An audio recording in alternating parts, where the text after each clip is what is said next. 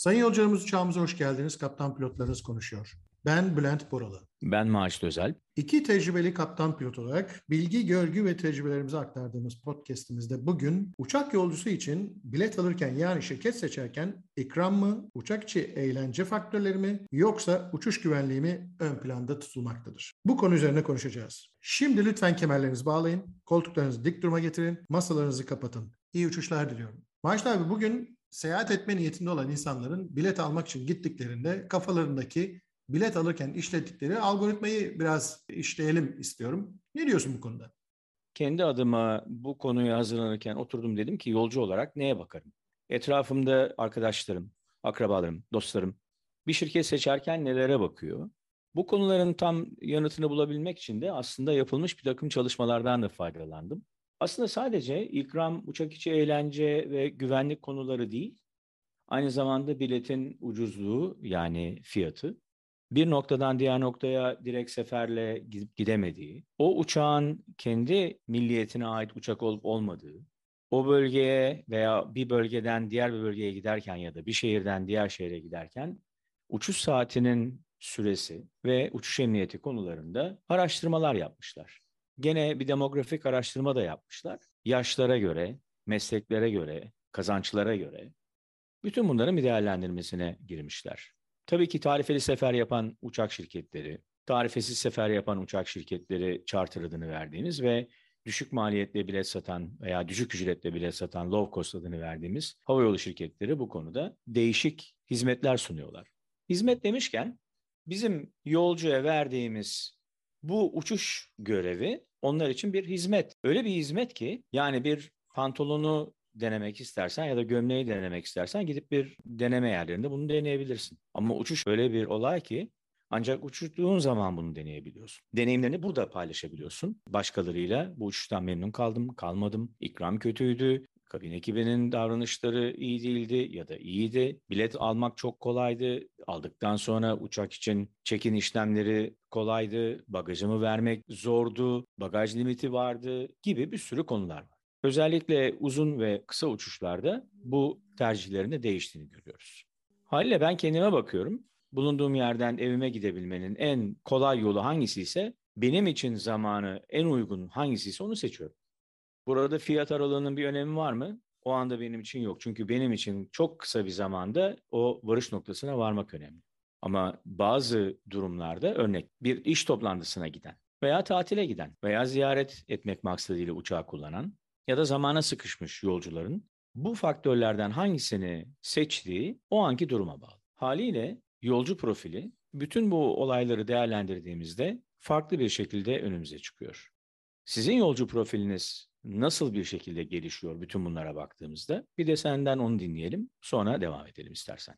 Business jet dediğimiz regülasyon olarak baktığında 19 koltuktan daha az uçakları kastediyoruz. Farklı bir sektör. Tabii buradaki rakamlar istatistik oluşturmaya yetecek boyutta değil. Hava yollarında işte bu sene 45 milyon insan taşıma hedefliyorken business jet'te kabaca 100 tane uçakta yılda taşıdığınız yolcu sayısı binlerle ifade ediliyor. Bu binler, yüz binlerle değil tabii. 5-10 bin taneyle ifade ediliyor. Baktığımızda büyük içinde çok büyük bir anlamı yok. Fakat ben daha önceki tecrübeme geleyim. Bir havayolu şirketinin işte kalite sistemini ve ona bağlı olarak da yolcu memnuniyeti kısmını yöneten bir kişi olarak, bir pilot olarak hem pilot çerçevesinden hem de bunun yönetim çerçevesinden baktığımda dediğin nokta bazı noktaları belirttin ya bilet fiyatı gibi, catering gibi, on time gibi havayolunun seçtiği personel, havayolunun seçtiği personelin kıyafetleri, havayolunun koltuk mesafesi, milliyet kavramı gibi böyle bir takım hususlar evet ön plana çıkabiliyor. Aslında baktığında havayolu için unsurlarla yolcu açısından unsurlar birbirinden farklılaşabiliyor. Her havayolu firması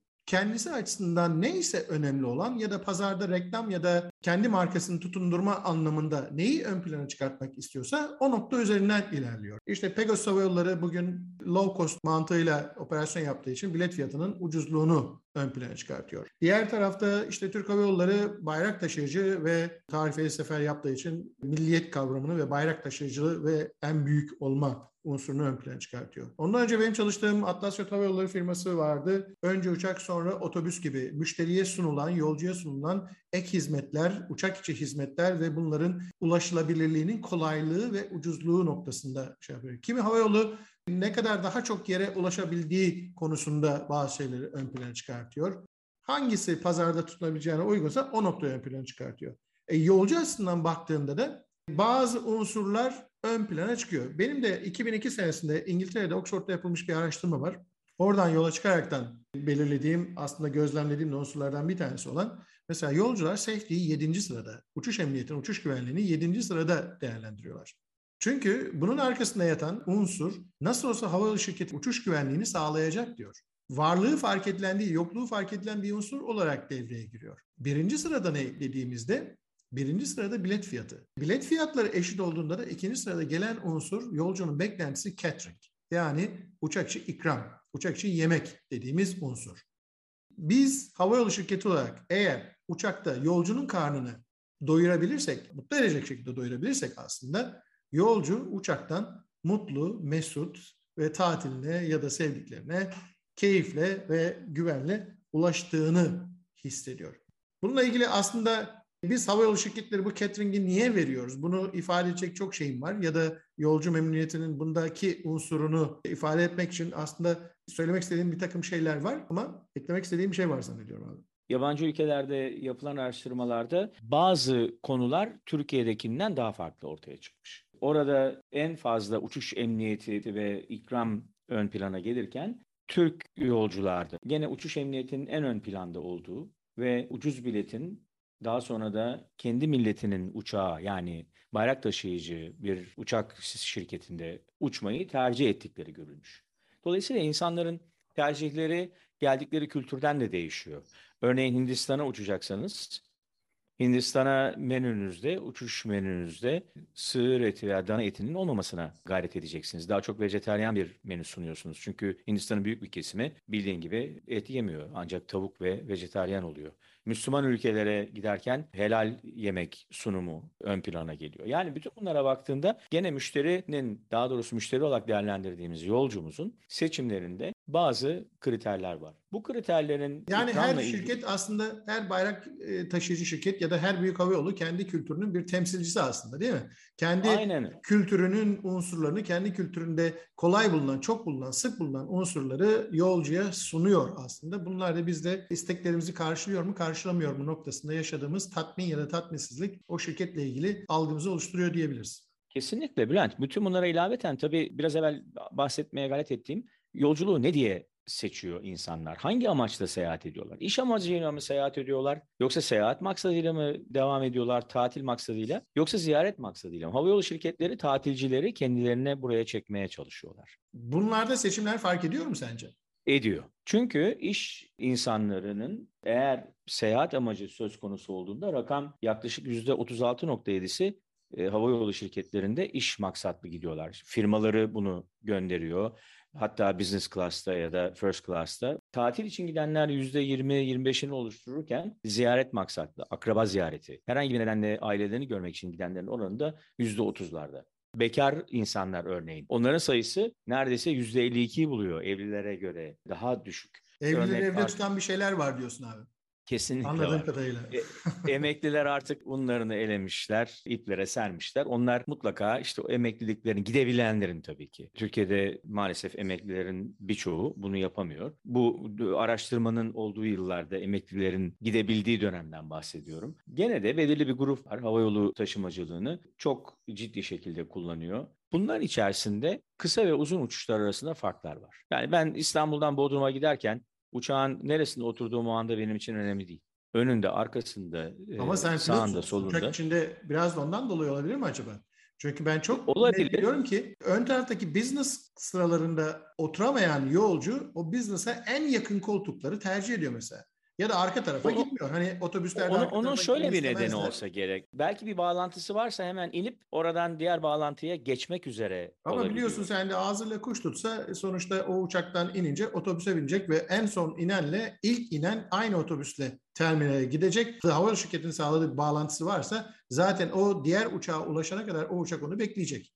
Veya alternatif var sonra şey yaparlar ama e, günün sonunda yolcunun bu şekilde davranıyor olması zannediyorum ona ekstra bir bir avantaj sağlamıyor. Sağlamıyor aslında ama bu bir insan içgüdüsünden gelen bir konu. Evet. Örnek uzun uçuşlarda e, uçak içi eğlence mi yoksa ikram mı yoksa uçak içi konforu mu konusuna baktıklarında konforun ön plana çıktığını Peki, görüyoruz. Deminki söylediğin şeye bir soru sorayım sana. Dedin yani business seyahati yapanlar %36 civarında dedin. İşte ailesel ziyaretler %30. İş maksatlı seyahat iş maksatlı. yapan. Aile ziyareti anlamında olanlar %33 civarında. Tatil maksatlılar %20 küsur civarında kalanları böldüğümüzde ve diğerleri dediğimizde. Yani bilet parasını kimin ödediğine bağlı olaraktan tercihler değişebiliyor. Tabii ki değil. Şirket ödüyorsa işte catering'i, lounge'u, şusu busu gibi faktörleri ön plana çıkartırken kendin ödüyorken e, bilet fiyatı ön plana çıkabiliyor mesela. Tabii Bülent mesela o iş maksatlı seyahat edenlerin uçakta en büyük bekledikleri diğer bir şey internet. İnternet olsun işlerine devam etsinler ama tatil maksadıyla gidenler için o anda lay lay lay yapalım. İşte uçak içi eğlencesi güzel olsun. Yanındakiyle oyun oynayayım, müzik dinleyeyim. Birçok uçakta şu anda 400'den fazla sinema kanalı, 600'den fazla müzik kanalı ve devam eden eğlence sistemleri var bütün aile tek başına bir bütçeden ya da aile bütçesinden seyahat edeceği için bilet fiyatı ucuz olsun. Özellikle ucuz olsun. Aynen tabii ki. E, gideceği yere zamanında varsın. Bu iş insan için çok önemli ama tatile giden için o zaten o aralığını iyi ayarlıyor. Eğer bir bağlantısı yoksa direkt gitsin diye bakıyor. Bağlantı varsa bir tane bağlantı yapmaya gayret ediyor. Onu görüyorum ben. Uzun uçuşlarda e, örnek Amerika uçuşlarında konforun en ön plana geldiği Dolayısıyla öncelikle istirahat etmek istediklerini görüyoruz. Daha sonra uçak içi ikram ve en son eğlence geliyor. Tabii bu sıralama kişilere göre değişebilir ama kısa uçuşlarda koltuk aralığı bu kadar önemli değil ama uzun uçuşlarda gene koltuk aralığı uzun boylu insanlar için çok çok önemli. Havayolu şirketleri mesela uçak içindeki catering'i niye veriyorlar abi sence? Bülent çok çok doğru bir soru bu. Hepimiz yani ben dahil uçak içine girdiğimiz zaman hepimiz bir yeme moduna giriyoruz. Neden? Uçakta mutlaka bir karnımız acıkıyor nedense. Çünkü Değil o mi? herhalde basınçlamadan kaynaklanan bir yerden bir yere seyahat ederken artık ben seyahat ediyorum. İşte evimden çıktım başka bir noktaya gidiyorum. Bana verilecek hepimiz böyle dört gözle gelecek olan ikramı bekliyoruz. Aslında Covid sırasında Şartlı refleks diyorsun yani. Evet, Türkiye'deki iç hatlar seferinde sadece su dağıtıyordu benim bildiğim kadarıyla bayrak taşıyıcımız. Şimdi tekrar sandviç vermeye başladılar. Bugün onu sordum. Acaba bir saat uçuşta bu bir sandviçi vermese ne olur? Biliyorum ki yolcuların büyük bir kısmı niye sandviç vermiyorsunuz evvelden veriyordunuz diye söylüyordur. Uçuş bir saat. Zamanı çok önemli bu sandviçin. Sabah 6.30'da 7'de bir uçuşa gidiyorsanız ya da akşam üzeri 6-7 gibi bir uçuşa gidiyorsanız bu sandviç belki o anda çok hayat kurtarıcı oluyor. Ama diğer zamanlarda ben bu biraz farklı düşünüyorum. bir seçimi. Ne düşünüyorsun? Ben biraz farklı düşünüyorum. Biraz daha böyle terörist vari düşüneyim.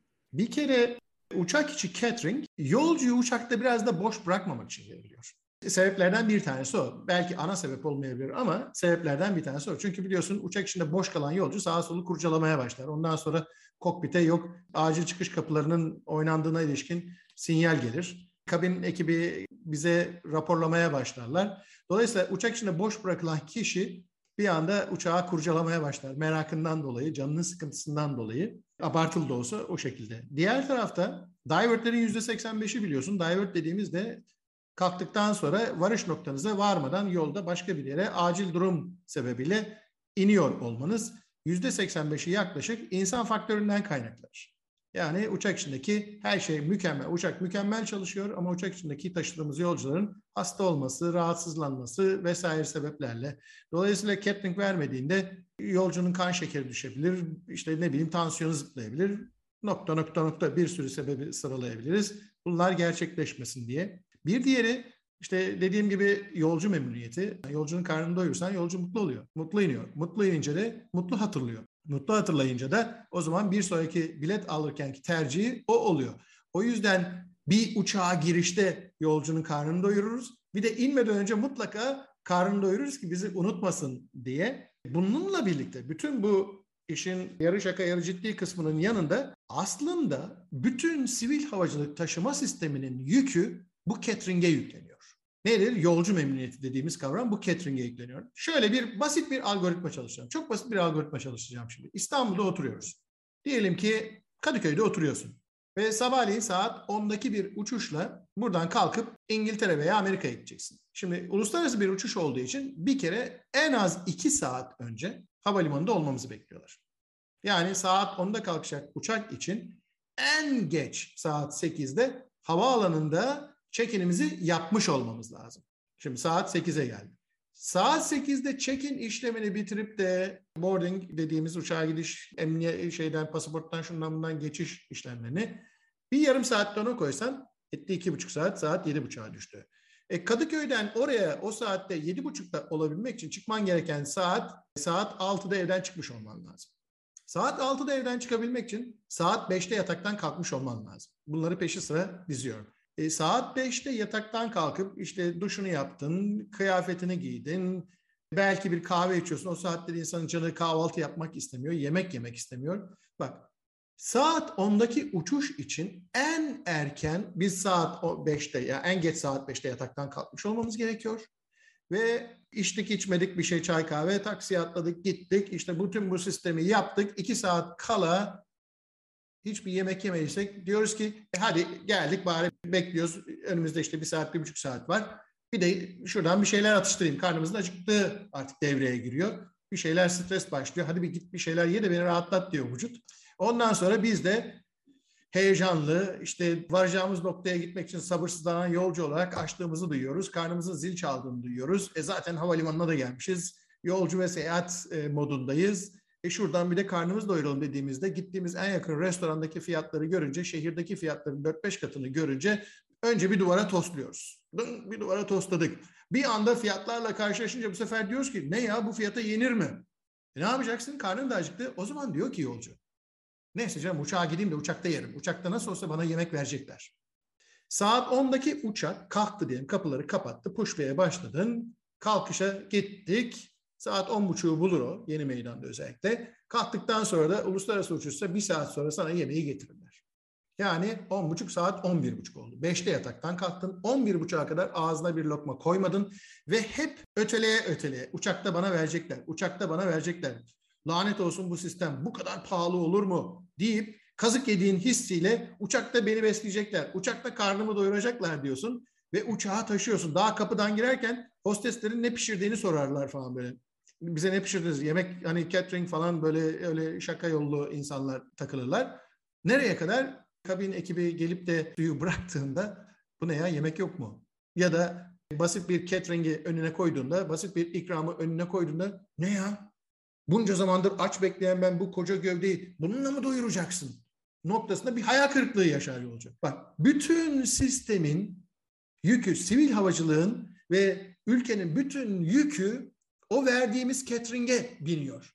Eğer ben o cateringle o insanı o uçak içinde mutlu edebilirsem, karnını doyurabilirsem, kallavi bir şekilde karnını doyurabilirsem ya da doyurduğumu onu ikna edersem o zaman mutlu oluyor. Mutlu olursa da iyi hatırlıyor. Ekibe güler yüzlü davranıyor. Ekiple diyaloğu daha pozitif oluyor. Eğer mutlu edemezsek bu sefer sıkıntı başlıyor. Ekiple tartışma başlıyor şey karnı aç, karnını doyurması lazım. Ekipten talep etmeye başlıyor. Ekibinde kaynakları yok ki, sınırsız kaynak yok ki elinde. E ne yapsınlar? Yani ne verilirse ona aktarıyor orada. E bu sefer memnuniyetsiz ve uçak içinde potansiyel olarak sıkıntılı yolcu noktasına geliyor. Bak uçuş emniyeti ya da geçen gün konuştuğumuz uçuş güvenliği, uçak içindeki güvenlik ve asayiş aslında bizim o catering'i verip vermemize o kadar bağlı bir hale geliyor ki. O yüzden sadece catering deyip geçmemek lazım. Catering'in bizim açımızdan çok önemi var. Catering'in yolcu açısından da değişik bir önemi var. Ayrıca bence bu catering'in maliyeti havaalanı işletmecilerinin ve diğer mesela ne bileyim bulunduğu şehrin şeylerine de yüklenmeli. Onlar da katılmalı bu maliyete diyorum. E, Bülent çok güzel anlattın tabii ama e, benim sana katılmadığım yönler var. İşte burada ana konu sorduğumuz konu ikram mı, güvenlik mi? Ee, yoksa uçak içi eğlence mi ve diğer faktörler. Tabii ki zamanında kalkma, bagajların teslim edilmesi e, süreci, bagajlara eğer aşırı bagaj e, e, ücretleri, bagajlar eğer herhangi bir nedenle uçağa e, alındıktan sonra kaybolursa bunların barış noktasında iletişimi veya o bagajın içindekilerin tazmini. Daha bir sürü konular var. Şimdi ikrama geldiğinde zaten bilet alırken geçen de konuştuk Yolcu o biletin arkasındaki sözleşmelerin hepsini kabul ediyor. Örnek ben düşük ücretle bilet satan bir uçakta uçacağımı biliyorsam öncelikle bir kere e, birçok yerde de Avrupa'da da böyle Ryanair örneğinde olduğu gibi herkes yanına sandviçini, suyunu, kahvesini alıyor. Türkiye'de de var bu uygulama. Türkiye'de de bu tür hizmet veren havayolu şirketinde her şeyi parayla satın alıyorsunuz. Buna Sun Express de dahil. Yanında suyunu getiremiyorsun mesela. Suyunu getiremiyorsan da 3 liralık e, suyu havalimanına belki... 20 lira verince ama bazı bazı yerlerde işte içme suları çeşmeleri var. Oradan onlar yapılabiliyor. Ülkemizde yok tabii ki bu. Yani yok. sadece biz şimdi ülkemizle ilgili konuşmuyoruz. Yabancı şirketlere de baktığın zaman bayrak taşıyıcıların bile çok büyük ikramlar vermediğini görüyorsun. Ben British Airways'de bir yolculuk yaptığımda gerçekten beklediğim ikramda hüsrana uğramıştım. Ama o British Airways'de gitme nedenim ikram değildi. Varış noktasına o zaman da gitme zorunluluğumdu. İşte sadece ikram değil, o, o noktaya varma konusundaki zamanlama, direkt uçuş, uçuş güvenliği. Bütün bunlar bir ikramı bazen göz ardı edilebileceği noktasına geliyor. Bütün konularda sana katılıyorum. İkram konusunda özellikle kısa mesafede bunun çok önemli olmadığını ama uzun mesafeli uçuşlarda örneğin Türk Hava Yolları'nın ikram hizmetinin çok güzel olduğunu hakikaten dünyada herkes biliyor. Aldığınız ikram hizmetinin çok çok güzel bir şekilde size sunulduğunu, artık yemeyeceğim teşekkür ederim noktasına getirildiğini biliyoruz. Bu çok güzel bir şey. Bunu bir sürü yabancılardan da duyuyoruz. Hı hı. Dolayısıyla evet ikramın seçeneği bu konuda yolcuların tabii ki önem verdiği bir nokta ama diğerleri de var. Ben şimdi sana başka bir yaklaşımda bulunayım. Check-in kolaylığı nasıl? Kontuardaki uçuş görevlisinden, bilet görevlisinden, körükten uçağa geldiğin andaki kabin amiri ve diğer kabin görevlilerinin sana olan davranışı, uçuş sırasındaki kabin içi hizmetlerindeki güler yüz, soruna yaklaşım, iletişimin sağlanabilmesi. Dolayısıyla yolcuyu memnun etme aşamasında özellikle insan davranışlarının ikramla e, ve ikramdan da daha öte bir noktada olduğunu ben düşünüyorum. İndikten sonra da gene uçağın park edilmesini takiben biliyorsun bazen kapı açılmıyor. Çünkü hı hı. neden? Uçağa körük yanaşmıyor. E peki uçağa körük yanaşması kimin sorumluluğunda? O alanı işlet, işleten işletme şirketine ait. Ama bu burada uçak içerisinde belirli bir süre hele uzun süre yolculuk yapmış kişiler herkes ayağa kalkıyor. Sanki ayağa kalkınca uçak bir anda bütün o yolcuları boşaltabilecek. Herkes sırasını beklerse bu boşalma daha kolay olurken. E oradan çıktıktan sonra sefer bagajları alması var. Bagajın alınacağı yerde o bagajların bagajların verilme süresinin az olması. Evet, bagajların şöyle... kaybolması söz konusuysa onların karşısında bir yetkiliyi bulabilme. Tabii. Dolayısıyla bu yetkilinin onlarla gene bak dikkat edersen hep insan davranışlarından bahsediyorum. Şöyle bir kaptan küçük anonsu. küçük bir parantez açayım sana o konuda. insanlara bilgilendirmek açısından hani uçak indikten sonra ilk bagaj şut diye adlandırılan bagajların alındığı noktaya varışı zamanlanıyor ve performans ölçülüyor havayolu şirketleri tarafından. Oradaki Mutlaka gecikme ya da gecikmeme, gecikmeme unsuru çünkü müşteri memnuniyetini belirleyen unsurlardan bir tanesi olduğu için takip edilen ve süreç hızlandırılan bir süreçtir. Boş bırakılan bir süreç değildir. Kontrol altındadır o süreç. Tabii ki bütün süreçler öyledir. Yani çekin işleminden köprüye giriş, körüye geliş, körüden uçağa biniş, o hatta biniş için sıralandırması bile değil mi? 1 ile 15 arası şimdi binsin, 16 ile 20 sonra binsin. Ama buna uyan yolcu var, uymayan yolcu var. Kaptan anonsu başka bir şey. Kaptan anonsundaki nezaket, bu anonsun sadeliği, anonsun anlaşılabilirliği, sanki arkasından atlı koşuyormuşçasına yapılan kaptan anonsları veya kabin amirinin yaptığı anonslar. Bütün bunlar hepsi bir bütün. Dolayısıyla o kadar bir zincir hizmet ki bu. Bu hizmetin zincirindeki en zayıf halka maalesef hizmette bir kaybı getiriyor. Hatırlar mısın e, kalitede çalışırken bir kaybettiğimiz yolcuyu kaç yılda geri alabiliyorduk? Kabaca 5 ila 7 sene arasında bir rakamdan 5 ile 7 senede. Çok büyük rakam. Bu yolcuyu tekrar geri almanın rakamı 5 ile 7. Düşünsene yolcuya bağlı olarak hayatını idame ettiren bir havayolu şirketinin bu kayba hiçbir şekilde tahammülü Bak şimdi demin hani yolcular ayağa kalkıyor dedin ya abi. Mesela kabin ekipleri yolcuyla empati kurmak zorundadır. Empati kuramazsanız yolcuyla memnuniyeti sağlama konusunda ortak noktaya gelebilmek de kolay olmaz. Özellikle Avrupa'dan gelen yolcular, özellikle Avrupa'dan Türkiye'ye ve Türk uçaklarında gelen yolcuların psikolojisini çok iyi anlıyor olmak lazım. O insanlar Avrupa'da bir Türk uçağına bindiği andan itibaren bu ister tarifeli olsun, ister tarifesiz olsun, ister Pegasus tarzı low cost olsun veya Türk Hava Yolları bayrak taşıyıcı olsun fark etmiyor. Kendisini Türkiye topraklarında olarak algılıyor ve evine gelmiş olarak algılıyor ve oradaki hostesi hanım kızım, hanım evladım olarak değerlendiriyor. bir anda kendi vatandaşını görüyor ve ondan evinde gibi talepte bulunabilme içgüdüsü ya da beklentisi, arzusu, o hayaliyle onları görünce öyle bir psikolojisi oluyor. Ve bunlar Türkiye için eniş noktasına geldi. Bir an önce evlerine gitme sabırsızlığı içinde hemen kalkarlar. Çantaları alayım köyüme gideyim, memleketime gideyim, sevdiklerime gideyim. Çünkü hani oraya geliyorlar, sevdikleriyle buluşmaya geliyorlar. Vatan toprağına kavuşmaya geliyorlar. Dolayısıyla öyle bir şeyleri vardır. Mutlaka diğerlerinde de vardır ama benim gözlediğim şeylerden bir tanesidir bu. O yüzden Türk uçaklarında Türk insanıyla empati kurmak bir uçuş ekibi tarafından yolcu memnuniyetinin sağlanabilmesinin olmazsa olmaz şartlarından bence temel noktalarından bir tanesi. Uçuş güvenliği dediğimiz nokta bir uçağın hani emniyetli uçmasından bahsediyoruz. Bunun en uç negatif tarafı uçağın kaza yapması. Biliyorsun 2007 senesi Kasım ayında World Focus Hava Yolları Atlas Jet Hava Yolları'nın yolcularını taşırken Isparta'da kaza yaptı ve uçak düştü. Sence mesela bu kaza havayolunun yolcu performansını, müşteri performansını nasıl etkilemiştir? Bülent e, ciddi olarak ciddi olarak etkilemiştir. Benim tabii mesela, rakamlardan pek Yüzde kaç etkilemiştir sence? Yüzde kırka yakın etkilemiştir diye düşünüyorum. Evet ben o e, o zaman e, kalite sisteminin yöneticisiydim ve kazanın kriz yöneticisiydim. E, bütün istatistikler hani benim kontrolümde olduğu için şunu çok net söyleyeceğim. Sadece 30 Kasım 1900, 2007 senesinde olan bu kazadan Aralık, Ocak ve Şubat ayında yüzde beş yolcu sayısı düştü. Yüzde beş düştü. Ona da baktığında hem kış sezonu olması hem okulların açılıp kapanması gibi aslında çok da beklenmeyen bir düşüş değildi. Şubat ayının ortasından itibaren tekrar kazadan önceki yüzdelerine ulaştı.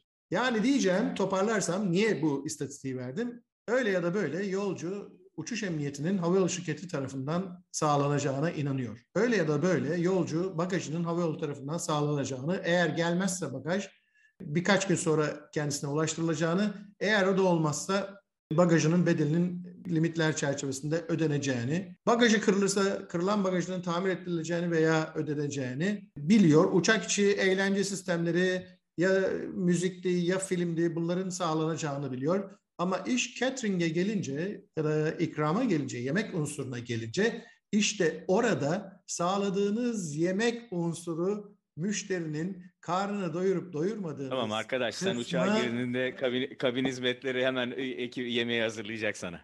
Karnı doymuş müşteri mutlu müşteridir. Mutlu müşteri havayolu şirketinin mutlu temsilcisidir. O yüzden Türk Hava Yolları ben en son Haziran ayında 2022 Haziran ayında Air Canada ile Kanada'ya gittim. Türk Hava Yolları ile de döndüm. İnanılmaz fark vardı. Birinde Gurur ne yiyeceğini, şey, tabii ki. birinde Çok ne yiyeceğini düşünemezken diğerinde hakikaten böyle insanı mutlu hissettiriyor. O çeşidi, ikramı, sunulması. E, ben çok mutlu olmuştum. Ya hakikaten farklıyız anlamında farkı çok net bir şekilde hissetmiştim. Evet, evet. podcastimizin ben... sonunda ne eklemek istersin abi? Bülent şöyle bir toparlayalım istersen. Ee, tabii ki gene bu bütün faktörler podcast'ın başında saydığım yaş, meslek grupları, evli, tatile giden, iş mensubu, iş toplantısına giden, konferansa giden, bir yere yetişmeye çalışan bütün bu grupların hizmetine sağlayan hava yolları şirketleri artık yolculara hizmet sunarken ileride yolcuların dışarıyı görmesi gibi örnek kabin camlarının büyütülmesi veya işte yürüdüğümüz yolun e, bir cam şekliyle olması, aşağıyı görebilmesi. Örnek bizim uçağımızda iç tarafta oturuyorsa örneğin bir first class'ta bir yolcu dışarıyı e, sanal kameralarla görebiliyor. Dolayısıyla yolcuya bir takım hizmetler verilebiliyor. Bunlar çok önemli. E, uçağın neresinde oturacaksın? Önünde mi oturacaksın, arkasında mı oturacaksın? E, hizmet nerede yapılıyor? Tuvalete yakın oturursan acaba sırf tuvalete giren çıkanlardan dolayı rahatsız olur musun? Tabii ki olursun. Erken çekin yapmanın imkanları var. Dediğimiz gibi bütün toparlamalara baktığımızda kolay bilet alma, kolay çekin yapma, bagajını kolay verebilme, körükten itibaren sana verilen hizmetin güler yüzlülüğü. Çünkü güler yüzlülükte, hizmette kayıp varsa o kaybı bir daha geriye almak mümkün değil. Aman nefret bir uçuştu, hiç bana iyi davranmadılar şeklindeki bir davranış bir sanki dalga gibi yayılarak başkalarına da gidebiliyor. Haliyle e, herhangi bir sorun varsa bunun anketini olarak geri bildirme. Kolay bir yöntemle geri bildirme. Geri bildirdikten sonra o yolcuya geri ulaşa, ulaşan insan kaynakları ya da yolcu memnuniyeti sisteminin yolcuya verdiği değer, bu değerin sonunda o yolcunun aldığı memnuniyet, o şirketi yeniden kazanmaya yönelik olabiliyor. Haliyle bütün bunlar çok çok büyük faktörler. Bu konuda hava yollarının çok uzun araştırmalar yaptığını biliyorum. Ama kendi adıma benim benim seçimim kimi zaman zamana bağlı oluyor, kimi zaman sıklığına bağlı oluyor.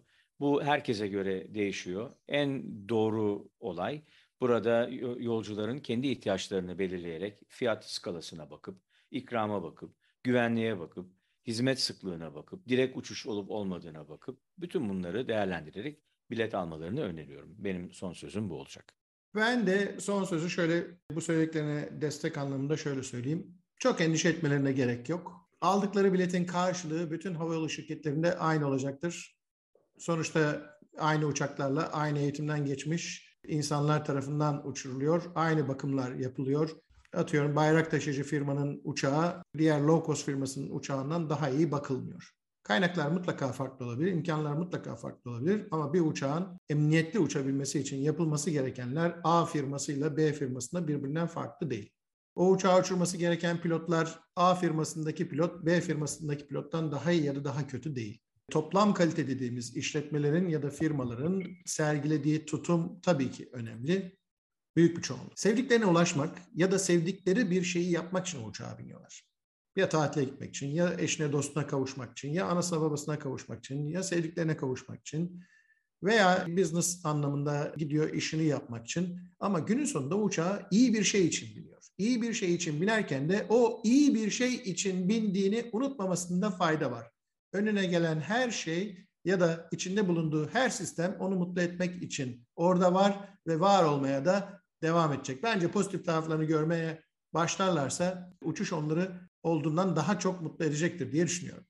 Evet sayın yolcularımız bir sonraki podcastimizde kalkış esnasında başımıza gelen acil durumlarda neler yapıyoruz ve biz neler yaptık konusunu konuşacağız. Hepinize iyi işler diliyorum. Hoşçakalın. Tekrar görüşmek üzere. Cabin crew landing position. Have a nice landing.